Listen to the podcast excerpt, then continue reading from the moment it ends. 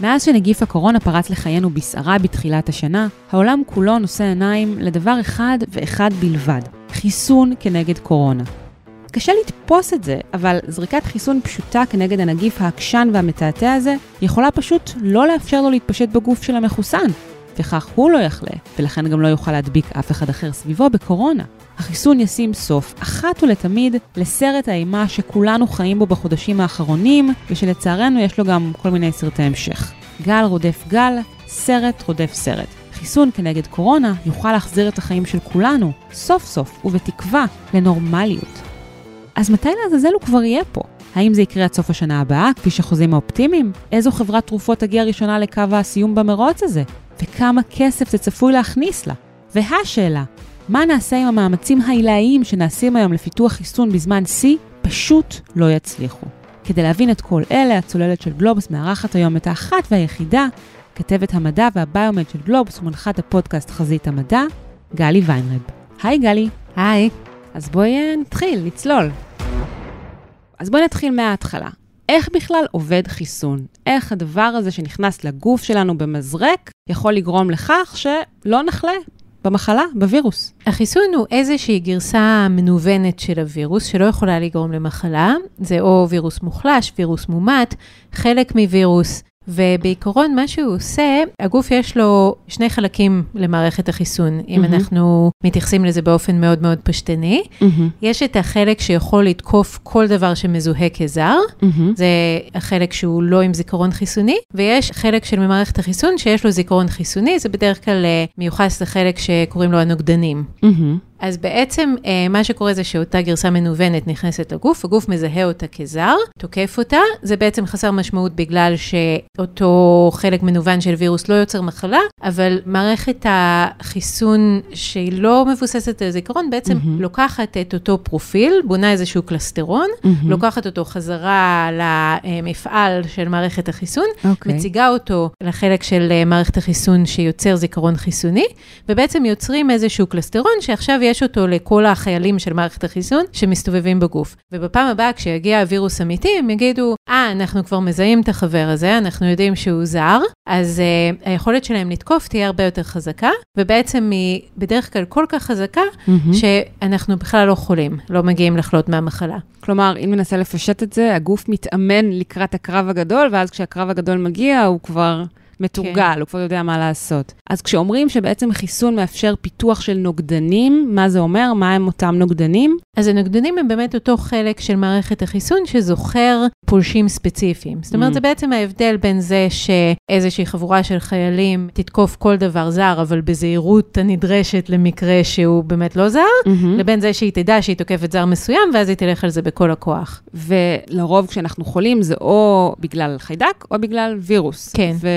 וחיידקים, לרוב יש לנו פתרון בעבורם, וזו אנטיביוטיקה, ווירוסים, אין לנו מה לעשות איתם, לבד מחיסון, בדרך כלל. אז באמת אה, וירוסים, אין להם היום תרופה. יש אה, פיתוחים של תרופות אנטיווירליות עם הצלחה מסוימת מהשנים האחרונות. Mm-hmm. אבל uh, בגדול אין הרבה מה לעשות נגד וירוסים, אין איזושהי תרופה שממש מרפאת ומסלקת את הווירוס. ולכן כשאת באה עם uh, תינוק לרופא והוא אומר זה ויראלי, בעצם הוא אומר, uh, אני לא יודע מה זה ואין לי מה לעשות נגד זה. אבל אם המחלה היא קשה, אז אנחנו רוצים uh, כן לעשות משהו, ומה שאנחנו יכולים לעשות זה את החיסון. ולכן כל בעצם החיסונים שאנחנו מכירים כיום מתרכזים בווירוסים, ואיך להתגונן מפניהם מבעוד מועד, כי אין לנו כל כך מה לעשות איתם כאשר הם פורצים, חוץ מלשים מסכות ולקוות שלא נידבק. נכון, זאת אומרת, uh, בעצם אנחנו משתמשים במניעה, כי אין לנו תרופות מספיק טובות לווירוסים. יש גם חיסונים נגד חיידקים, במידה והם mm-hmm. מאוד אגרסיביים וקשה לטפל בהם באנטיביוטיקה, אבל בדרך כלל אנחנו משתמשים בחיסון נגד מחלה ששווה למנוע אותה במאמץ רב, בגלל שהיא כל כך קשה וחסרת טיפול.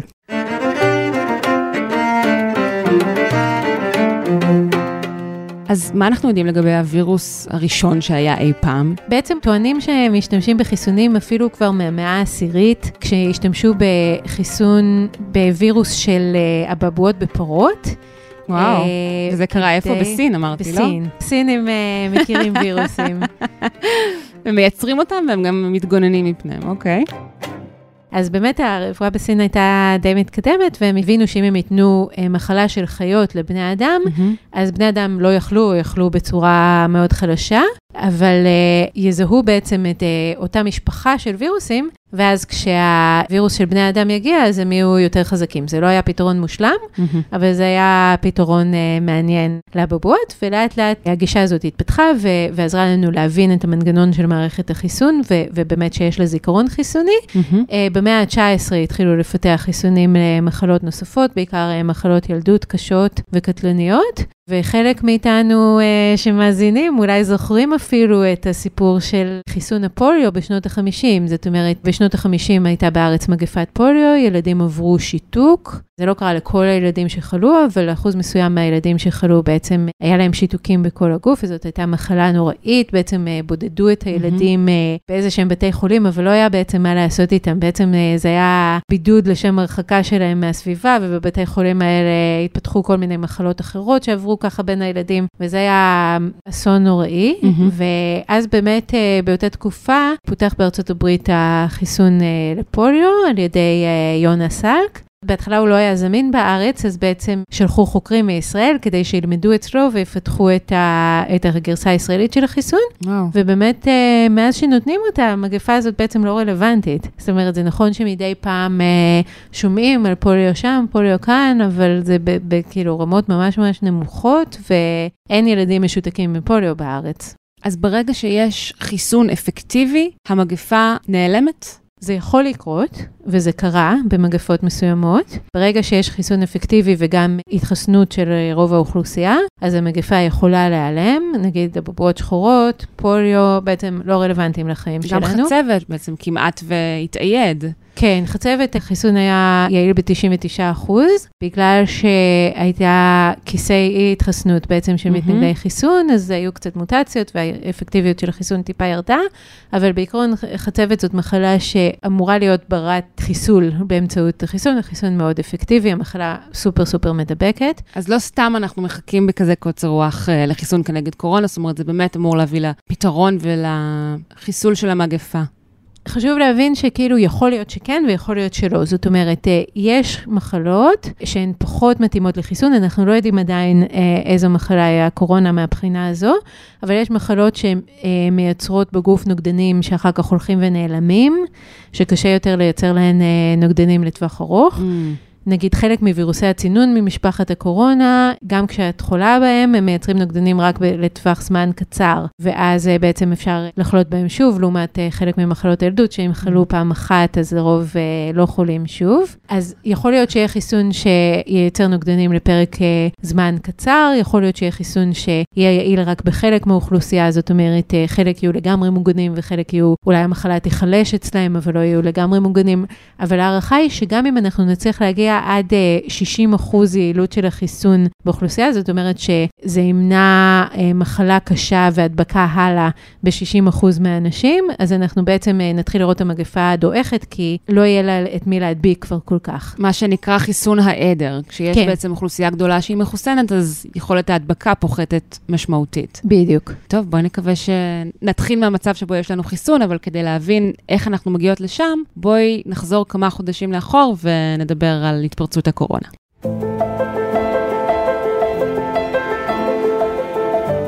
אז בעצם הקורונה, כמו שאנחנו יודעים, התפרצה בווהאן בסין, כנראה בגלל איזשהו מגע של בני אדם עם אה, חיות בר, שנאכלו או נרקחו לתרופות, ואז בעצם אה, היו כמה מקרים שהתחילו להתפשט, וכבר כשראו שהמחלה מתחילה להתפשט בווהאן, אז התחיל מחקר מאוד משמעותי בסין. הם אה, לימודי מגפת הסארס, הם הבינו שזה וירוס קורונה, שגם הסארס הוא ממשפחת הקורונה, mm-hmm. אז הם אמרו לעצמם שיש להם אה, עוד סארס פה אולי, וישר התחילו לעבוד. אחד מהדברים שהם עשו זה הם בעצם אה, פענחו את הרצף הגנטי של הווירוס, שזו טכנולוגיה שמאוד התפתחה בשנים האחרונות והוזלה, ובצעד יחסית חריג, mm-hmm. הם פשוט שלחו אותו לכל העולם, לכל המכוני מחקר בעולם, ואמרו, אה, תעזרו לנו, אה, כל מי שיודע, שינסה לפתח פה משהו. והעולם בשלב הזה עוד קצת אה, שאנן, איך הוא מקבל את הקריאה הזו, את השליחה הזו? בעולם באותה תקופה היה חשש שהמחלה עלולה להתפשט. גם חשבו שהיא יותר חמורה וקטלנית ממה שהיא באמת, זאת אומרת, המחלה היא חמורה, אבל חשבו שהיא עוד יותר חמורה. אבל מצד שני חשבו שיש סיכוי שהיא תישאר בסין, שאפשר יהיה לשלוט בה גם בכלים של אה, חקירה אפידמיולוגית ובידוד, שזה בעצם מה שגמר את הסארס. בעצם לסארס מעולם לא פותח חיסון, ומה שגמר אותו זה בעצם שליטה בשרשרת ההדבקה. הסארס היה קטלני יותר, אבל מדבק פחות. נכון מאוד, אז אה, באמת אה, בגלל זה, כאילו כל מי שהיה חולה כבר היה מאוד חולה, והיה יותר קל לאתר אותו. התבסס על הניסיון מהסארס, חברות התרופות אמרו, אה, ah, אולי יש פה איזשהו פתח אה, לייצר חיסון ולהרוויח מזה, או שהן היו קצת מסויגות? באמת מצד אחד היו חברות שהיה להן קצת עבודה שהן עשו כבר על הסארס, ובגלל שאלה וירוסים מאותה משפחה, אז חברות שכבר עשו קצת עבודה, הן אה, היו בעניין של לפתח את החיסון לקורונה החדשה. אבל מצד שני, בגלל mm-hmm. שהסארס בסופו של דבר נעלם בלי חיסון, mm-hmm. הוא השאיר הרבה חברות עם חיסונים פוטנציאליים. שנזרקו לפח. כן, הם לא קיבלו החזר על ההשקעה שלהן, וזה בעצם אה, מאוד הטריד את החברות שנכנסו לתחום, ואפשר לראות שבעיקרון נכנסו חברות צעירות שהיה להן פחות מה להפסיד ראשונות. וואלה. והחברות הגדולות נכנסו קצת יותר מאוחר. זאת אומרת שאולי היה עיכוב בכניסה של אה, חברות משמעותיות למרוץ הזה, של פיתוח חיסון? יכול להיות, אם כי זה היה עיכוב קל, זאת אומרת, okay. אוקיי. מרץ, אפריל כבר היו חברות רציניות uh, בפנים, mm-hmm. וגם מה שהחברות הצעירות התחילו, החברות הגדולות באו ו- והמשיכו. זאת אומרת, נניח uh, חיסון שפותח באוניברסיטת אוקספורד, בעצם חברת אסטרזנקה באה ו- ונתנה לו את הגב שלה טיפה יותר מאוחר. Mm-hmm. נדמה לי כבר במאי-יוני אפילו רק. אוקיי. Okay. וגם חברת ביונטק, שהיה לטכנולוגיה לייצור חיסונים, ולכן זה היה עבורם מאוד מעניין כהוכחת התכנות, אז חברת פייזר, יותר באו יותר מאוחר והצטרפו אליהם.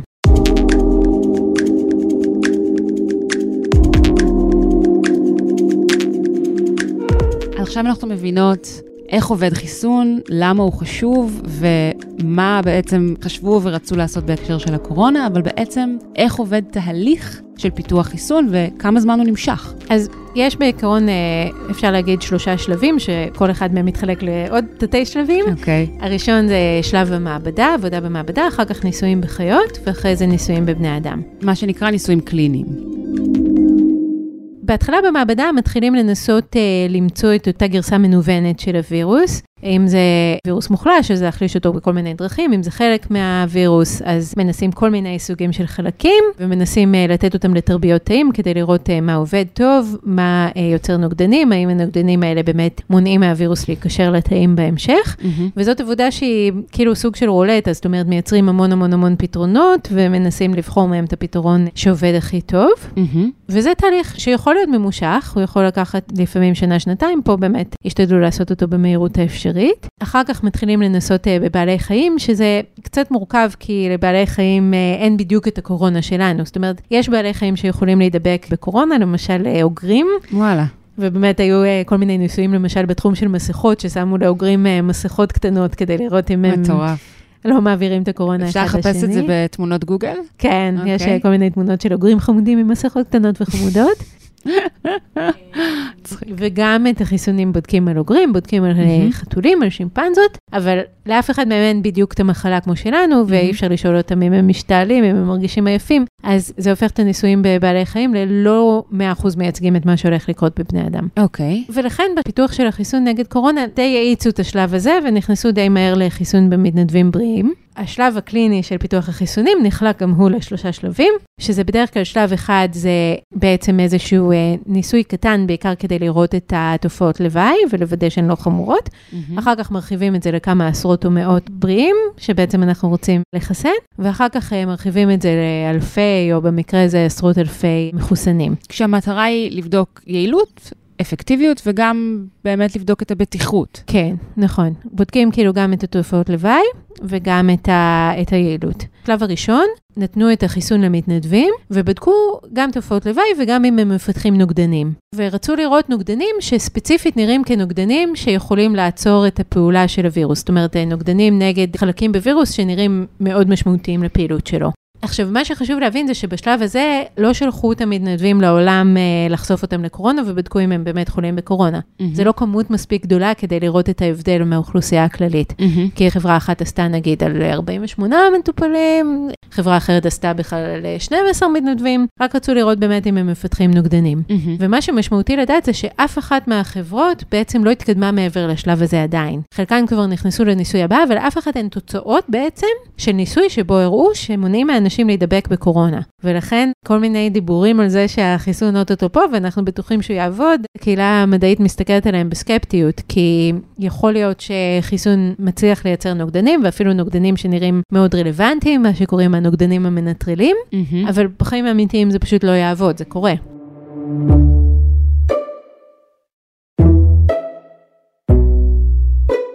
אז בעצם החברות כן כבר ביצעו את השלב הראשון בניסויים הקליניים, והם הצליחו לראות שישנם נוגדנים, אבל הם לא עברו עדיין לשלבים הבאים, ששם בודקים איך זה בעצם נראה בעולם האמיתי.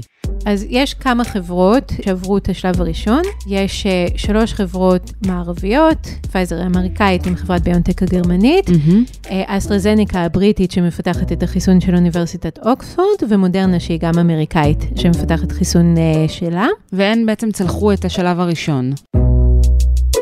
אמרה להם ה-FDA, שזו רשות המזון והתרופות האמריקאית, שהיא נחשבת uh, תו התקן לבדיקה ורגולציה של uh, מוצרים רפואיים.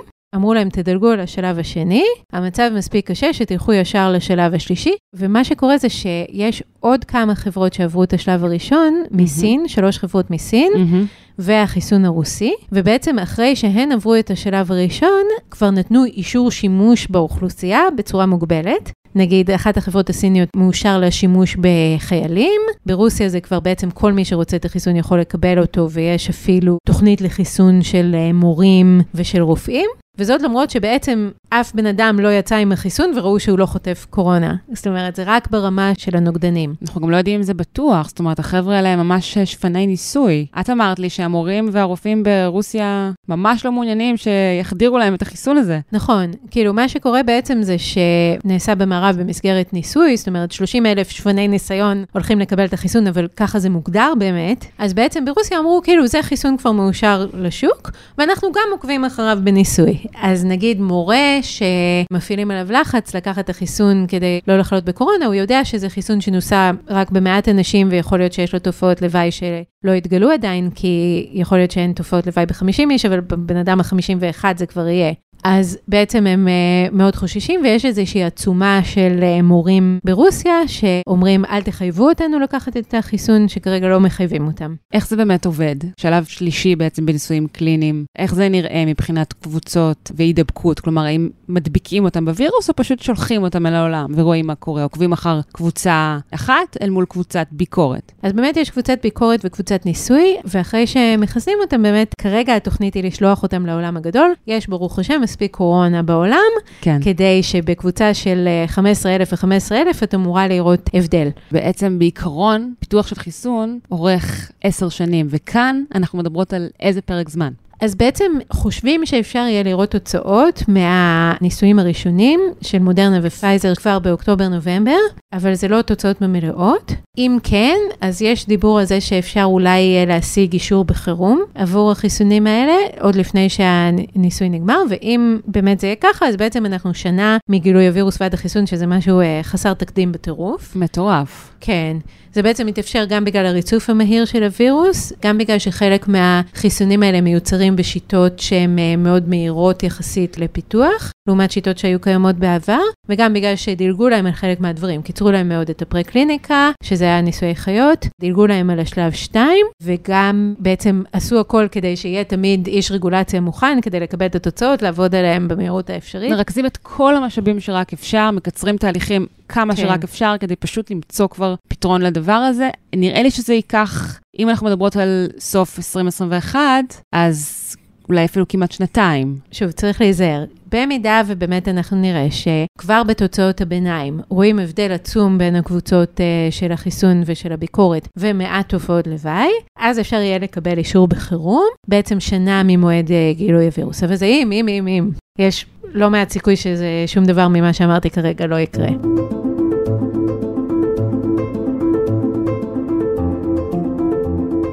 קיבלנו דוגמה לזה ממש השבוע כשחברת האסטרזניקה, שנמצאת בשלב שלישי של הניסויים הקליניים, היא הייתה צריכה לעצור את הניסוי.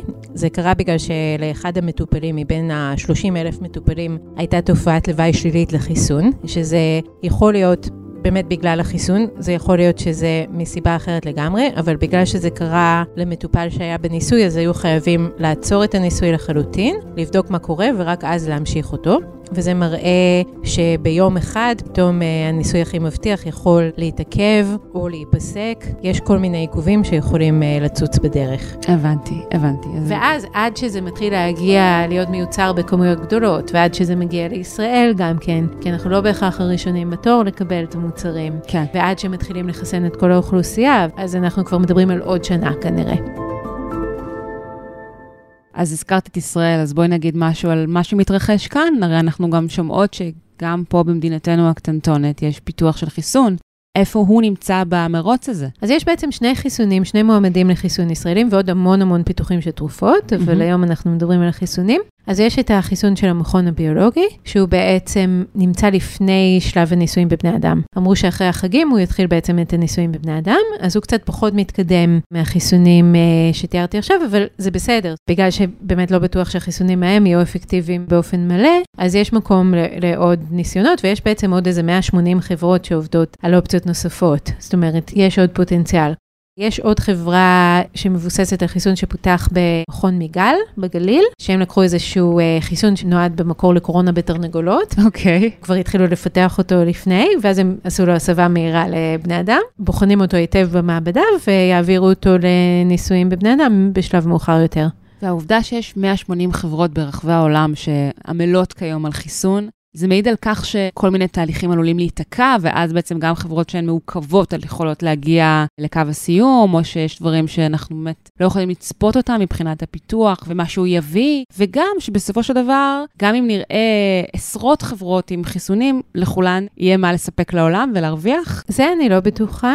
המחשבה של החברות שממשיכות לפתח היא שיכול להיות שהחיסונים הראשונים שהגיעו לניסויים לא יהיו טובים או לא יהיו מושלמים. הם יכולים להיות לא מושלמים בכל מיני דרכים, או שהם יגרמו לפיתוח של נוגדנים שידחו אחרי איזשהו זמן. זה משהו שעלול לקרות. אבל זה קשור באופי של המחלה, לא? פחות באופי של החיסון. אז זה יכול להיות כאילו ממשק בין המחלה לחיסון. זה mm-hmm. מאוד מאפיין את המחלה, אבל בוא נגיד שאם זאת מחלה שהנוגדנים שלה דועכים, אז יכול להיות שיהיה חיסון שיהיה יותר טוב בלהחזיק אותם לאורך זמן. אוקיי. Okay. ואחד שיהיה פחות טוב. Mm-hmm. יכולות להיות בעיות אחרות, יכולות להיות תופעות לוואי, יכול להיות שזה יתפוס רק בחלק מהאוכלוסייה, ונגיד דווקא במבוגרים שהם הכי פגיעים, mm-hmm. חיסון מסוים uh, יהיה פחות אפקטיבי. אז יכולות להיות כל מיני סיבות למה חיסון כן יגיע לשוק והוא לא יהיה מושלם, ויהיה מקום לחיסונים נוספים.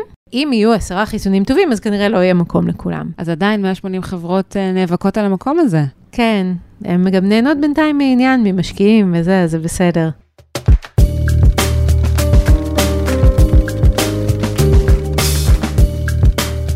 אז אולי נשאל עכשיו שאלה שדיברנו עליה קודם עם אה, רון טובי, העורך שלנו, אם לא היה נכון ברמה הערכית, ברמה האנושית, עולמית, לעשות משהו שמאחד כוחות ולא מפצל אותם. אז זאת באמת דילמה מעניינת אה, גם בתחום של אה, פיתוח תרופות, גם בתחומים אחרים שקשורים לתמריצים ומשאבי ציבור. הרבה פעמים חושבים שאם תיצור תחרות, אז זה יכול להביא יותר משאבים פרטיים. Mm-hmm. למשל, אם חושבים נגיד על ה X Prize של גוגל, שכאילו שמה כל מיני יעדי נחיתה על הירח, ויעדים כן. גם בתחום הבריאות. זה נותן תמריץ נורא חזק לאנשים אה, לפעול בכיוון. כן, כדי שהם בעצם ישקיעו יותר כסף ממה שיש בסופו של דבר להשיג. כי כל אחד חושב שזה יהיה הוא. אז בסופו של דבר בכל התחום יושקע סכום יותר גדול. ובאמת אם את מסתכלת על חברה כמו מודרנה, שגייסה מאות רבות או אפילו מ... של מיליוני דולרים או אפילו מיליארדי דולרים עד היום לפיתוח של החיסון שלה, ממשקיעים פרטיים. בעצם המדינה שמה רק קצת מזה. כנראה שהמשקיעים לא היו מגיעים אם הם לא היו חושבים שהחברה עצמה תוכל להגיע לפרס הגדול. ובאמת זה פרס גדול מאוד. ראינו כבר שיש אה, הזמנות של מאות מיליוני דולרים מכל מיני ממשלות ברחבי העולם, וזו רק ההתחלה.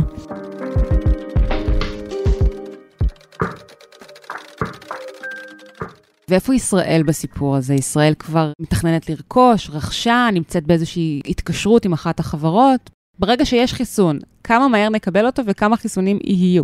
בינתיים אה, דווח על אה, כמה הסכמים. מה שקורה זה שהמדינות משריינות לעצמן בעצם מנות, על ידי זה שהן מביעות אמון לפני שהחיסון נמצא. זאת אומרת, בעצם אה, מדינת ישראל הייתה צריכה להתקשר עם חברה כמו מודרנה, mm-hmm. אנחנו לא יודעים בדיוק את הפרטים של ההסכם, mm-hmm. אבל היא קנתה איזושהי כמות של מנות, כנראה נתנה להם איזושהי מקדמה, והשאר תלוי בזה שבאמת יהיה מוצר, וככה כאילו שריינה איזושהי כמות של מנות, בסכום שאם אני זוכרת נכון, אה, שהוא לא נמוך. משלמים על עצם זה ששומרים כן. מנות. משלמים על זה שעצם זה ששומרים את המקום, ובעצם אה, ישראל חתמה עם אה, מודרנה, היא חתמה עם חברה בשלב הרבה יותר מוקדם, אז כנראה זה היה הרבה יותר זול, mm-hmm. שקוראים לה ארקטורוס, יש לה גם בעלי מניות ישראלים, אז זה בטח חזר. אבל זה הימור, זה חתיכת הימור. כן. כאילו, זה אומר שכל המוקדמים יותר צריכים בעצם לא להצליח, בדיוק. והם צריכים להצליח. והמחשבה היא שכנראה שאם לא ישריינו מראש, אז יש סיכוי שזה לא כל כך יגיע לארץ, כי אנחנו לא שוק גדול, זה לא, לא איזה שוק שהחברות uh, חייבות לשמור איתו על איזושהי מערכת יחסים מדהימה. בדיוק, יכול להיות שנהיה מקופחים בהשוואה למדינות אחרות. עלול להיות. כן, אנחנו מקווים גם שבאמת הרבה חברות נערכו עם כושר ייצור לא זניח כבר, הן גם הימרו, ובעצם התחילו להקים מפעלים. ויש גם כמה חברות בארץ שמייצרות מוצרים אה, דומים ומציעות לייצר את זה כאן, אז יכול להיות שזה יהיה שווה לחברות לייצר פה באיזשהו מפעל שכבר מייצר חיסונים, או שכבר בנוי לייצר חיסונים.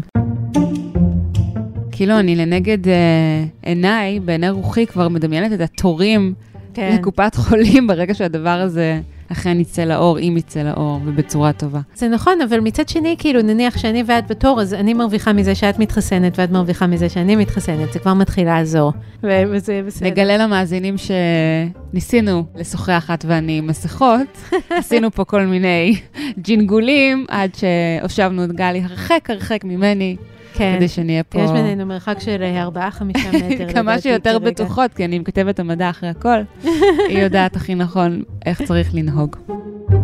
רציתי לדבר איתך גם קצת על אה, נושא של אה, הטיות פוליטיות. אנחנו כמה חודשים לפני הבחירות בארצות הברית, טראמפ מאוד היה רוצה לראות חיסון או הבטחה לחיסון.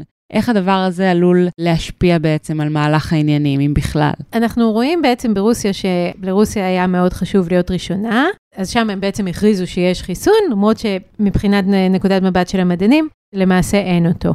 עכשיו, בארצות הברית קהילה המדעית לוחצת uh, שזה לא יקרה, אבל לטראמפ מאוד משמעותי לבשר על בואו של החיסון לפני הבחירות. הוא מאמין שזה יעזור לו לזכות בבחירות. אפשר להבין את זה מכמה ציוצים שהוא צייץ, שהוא חושב שדוחים את המועד בכוונה עד אחרי הבחירות, כדי להרוויח משהו. זאת אומרת, הוא אמר שאולי ה-FDA או ה-NIH, יש להם אינטרס לדחות את זה עד אחרי הבחירות.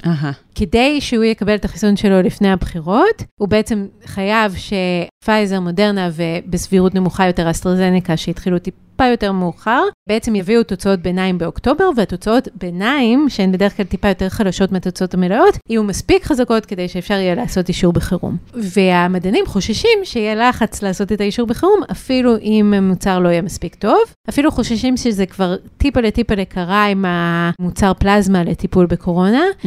שאושר למרות שהרבה מהקהילה המדעית חושבים שאין מספיק הוכחות כדי לאשר אותו. הוא גם אושר אישור חירום על ידי ה-FDA ונחגג בהרחבה על ידי טראמפ. כמה הרצון הזה של טראמפ עלול להטות פה את המקצוענות אולי, את הדיוק הכל כך נדרש במקרה הזה? הכל תלוי בכושר המידה של המדענים ש... שעומדים בצמתי קבלת ההחלטות, ראש ה-FDA, החברות עצמן. זאת אומרת, חברה שתיכנע לדבר כזה עלולה להעמיד את עצמה באיזשהו לחץ ציבורי, כי בעצם יגידו, אם אתם נכנעתם לזה, אז מה שווה כל ה... דברים שפיתחתם עד היום. בדיוק, mm-hmm. וכל מה שתוותרו מהיום. יכול להיות שרק כדי להיות בסדר עם טראמפ, שאולי בכלל לא ינצח, הם לא ירצו לעשות את זה, אפילו אם זה עלול להיות להם קצת רווחי.